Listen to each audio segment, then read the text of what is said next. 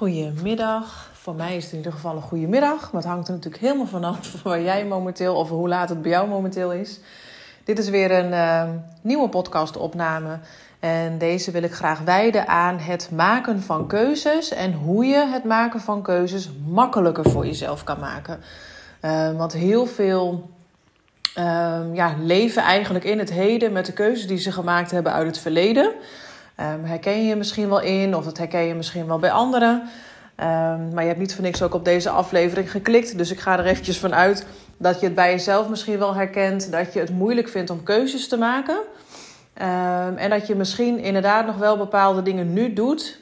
Uh, ja, wat een gevolg is van een keuze die je in het verleden hebt gemaakt. Maar waar je je momenteel niet helemaal lekker meer bij voelt. En dat gebeurt heel veel. En het is ook heel logisch dat het ook heel veel gebeurt. Omdat als we een keuze maken, dan voelt ons brein daar een soort van commitment ook aan. Hè? Dus als je hebt gestudeerd als, uh, of, voor doktersassistenten, ik noem maar even wat, um, en je werkt bij een huisartsenpraktijk en daar ben je 15 jaar geleden mee begonnen. Um, dan is dat ook wat je brein kent. Dus die is ergens voor gegaan, zeg maar. En dat is zijn comfortzone. Dat is um, ja, wat je hem ook laat zien dat je daarin goed uh. En het wil niet zeggen dat je daar nou heel gelukkig mee bent. Alleen jouw brein is er alleen maar om jou te laten overleven. Nou, tot so far so good, zeg maar. Je leeft nog. Dus die ziet geen noodzaak om andere keuzes te maken.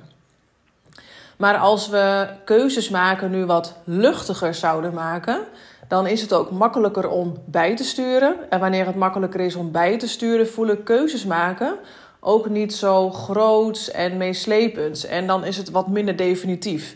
Als je dat wat meer in het moment zou kunnen doen. Dus wat mij altijd heel erg helpt en uh, wat ik ook altijd meeneem in de, in, in de sessies die ik met vrouwen heb. Zet de woordjes voor nu bij de keuze die je wil maken. Dus voor nu, uh, ik noem eventjes ons verhaal als voorbeeld. Uh, dat we bijvoorbeeld anderhalf jaar geleden of ruim een jaar geleden. Uh, nee, laat ik nog verder teruggaan. Elf jaar, zeg maar twaalf jaar geleden uh, woonden wij in een huurwoning in Oldelpaden en toen wilden wij een huis kopen in Wolvenga. Dus in dat moment wilden we graag een huis kopen in Wolvenga. Uh, maar wel altijd geweten, voor nu, hè, dus in dat moment was dat de juiste keuze. Maar, uh, weet je, zolang je leeft leer je en zolang je daarvoor open staat groeien. Uh, dus het is natuurlijk ook heel logisch dat je op een gegeven moment, in ons geval na elf jaar daar te wonen, dat we voelden hmm, voor nu is het wel weer tijd voor wat anders. Nou, toen hadden wij de wens om alles te verkopen en om in een camper te gaan uh, wonen. Dat hebben we ook gedaan. Dus in dat moment was de keuze voor nu verkopen we alles en gaan we in een camper wonen. Um, en dat maakt namelijk ook toen we eenmaal in die camper woonden en na negen maanden waren we daar uh, spuugzat van, voelt het ook weer vrijer om in dat moment te kiezen: oké, voor nu willen we gewoon even tijdelijk een huis. En in dat huis kunnen we weer gaan voelen: oké, wat wordt dan de volgende stap? Want we voelden wel in dat moment al dat weer opnieuw een huis kopen niet goed voelde voor ons. Uh, maar als je dus de woorden voor nu erbij zet, dan leef je heel erg in het moment. Um, en voel je ook niet dat de keuze zo definitief hoeft te zijn. En wanneer iets niet definitief is, voelt het sowieso natuurlijk al lichter en luchtiger, omdat je weet dat je altijd weer kan bijsturen. Dus toen wij drie maandjes een huis um, op ons pad kregen voor drie maanden, dachten we ook, weet je, we pakken deze, we gaan, deze, we gaan hierin. Want we hadden heel erg de behoefte weer aan een huis en comfort en dat iedereen weer een eigen kamer had.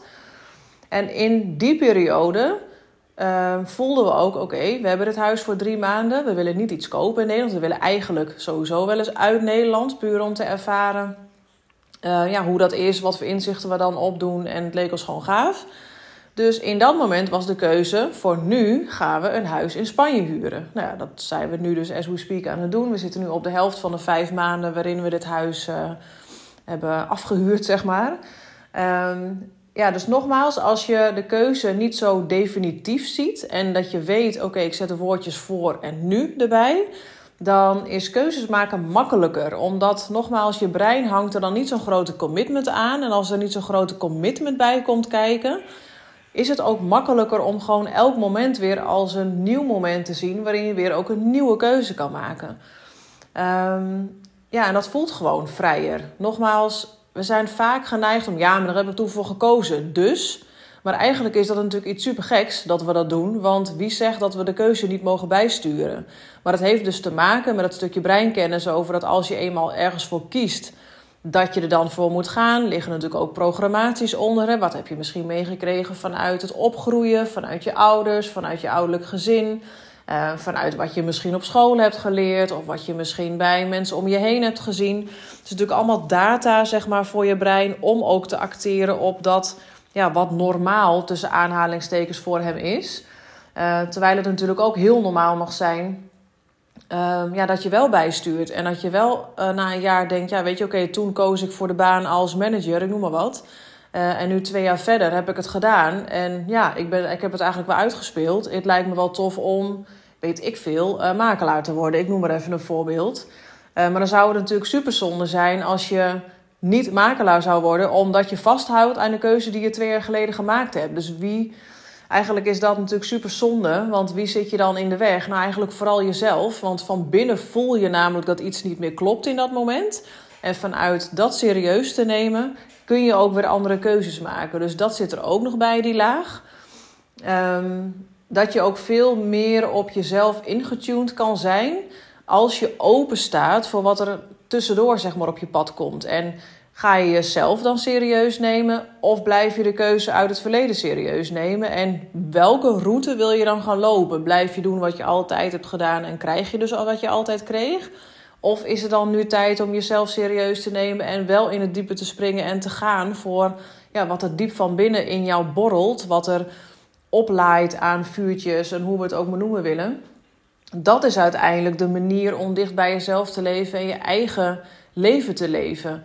En als we leven vanuit het verleden, dan ben je of het leven van een ander aan het leven aan de hand van de programmaties die in je brein zitten, of je bent het leven van je oude ik aan het leven. Want weet je, uiteindelijk, uh, degene die jij vandaag de dag bent, hoef jij volgend jaar niet meer te zijn. Door bepaalde ervaringen veranderen we.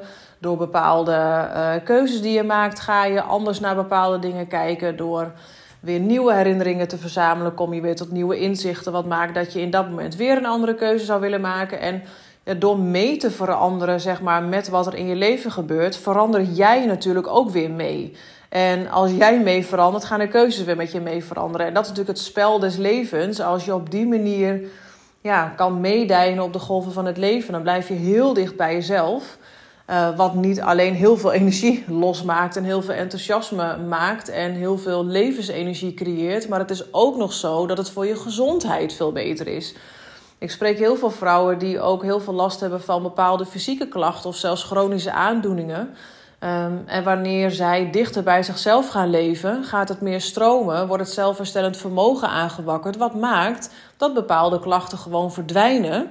Puur omdat ze dichter bij zichzelf gaan leven, dat doen waar ze voor bedoeld zijn. Uh, ja, en dan hoeft je lichaam dus ook geen bepaalde klachten of signalen meer aan te geven. Dus even helemaal kort samengevat. Als je het moeilijk vindt om bepaalde keuzes te maken, ga bij jezelf dan eens na. Wat maakt dat ik nu vasthoud aan die oude keuzes vanuit het verleden, die ik nu nog steeds serieus neem in het heden? Um, is dat een programmatie? Is dat een overtuiging? Um, vind ik het lastig om, om er overheen te snappen? Of kom je misschien niet tot een antwoord op de vragen die ik nu stel? Uh, voel je dan vrij om mij een berichtje te sturen? Dat kan je doen door een mail te sturen naar bu@oneself.nl of je kan me vinden op Instagram oneself.nl. Ze zijn momenteel bezig met het maken van mijn nieuwe website. Um, en als die helemaal in de lucht is, zeg maar, dan zou je daar ook nog meer informatie op kunnen vinden. Maar dat is nu dus nog niet vindbaar.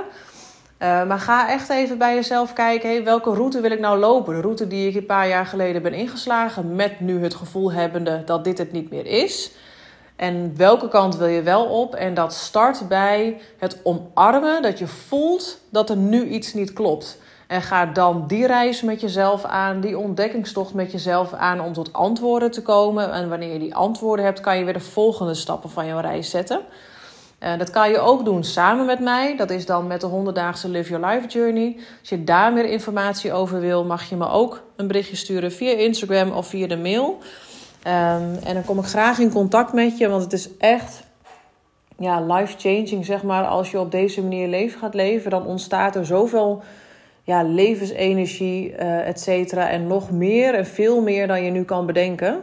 Maar je zit nu dan gewoon vast zeg maar, in bepaalde denkwijzen. Wat heel logisch is, heb ik jaren geleden ook echt in vastgezeten. Uh, maar als je eenmaal het, ja, het spel zeg maar, te pakken hebt van hoe je ja, jezelf kan spiegelen, hoe je tot meer zelfkennis kan komen, dan gaat er echt letterlijk een nieuwe wereld voor je open. En uh, daar help ik je graag bij. Maar misschien heb je ook al genoeg aan een podcast. Dat is ook helemaal oké natuurlijk. Of dat je gaat volgen op Instagram. Dan kun je misschien ook mooie inspiratie uithalen. Alles is helemaal oké. Voel bij jezelf even waar je behoefte ligt.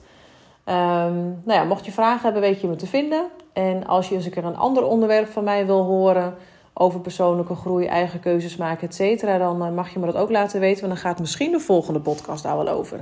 Hey, dankjewel voor het luisteren en tot de volgende keer.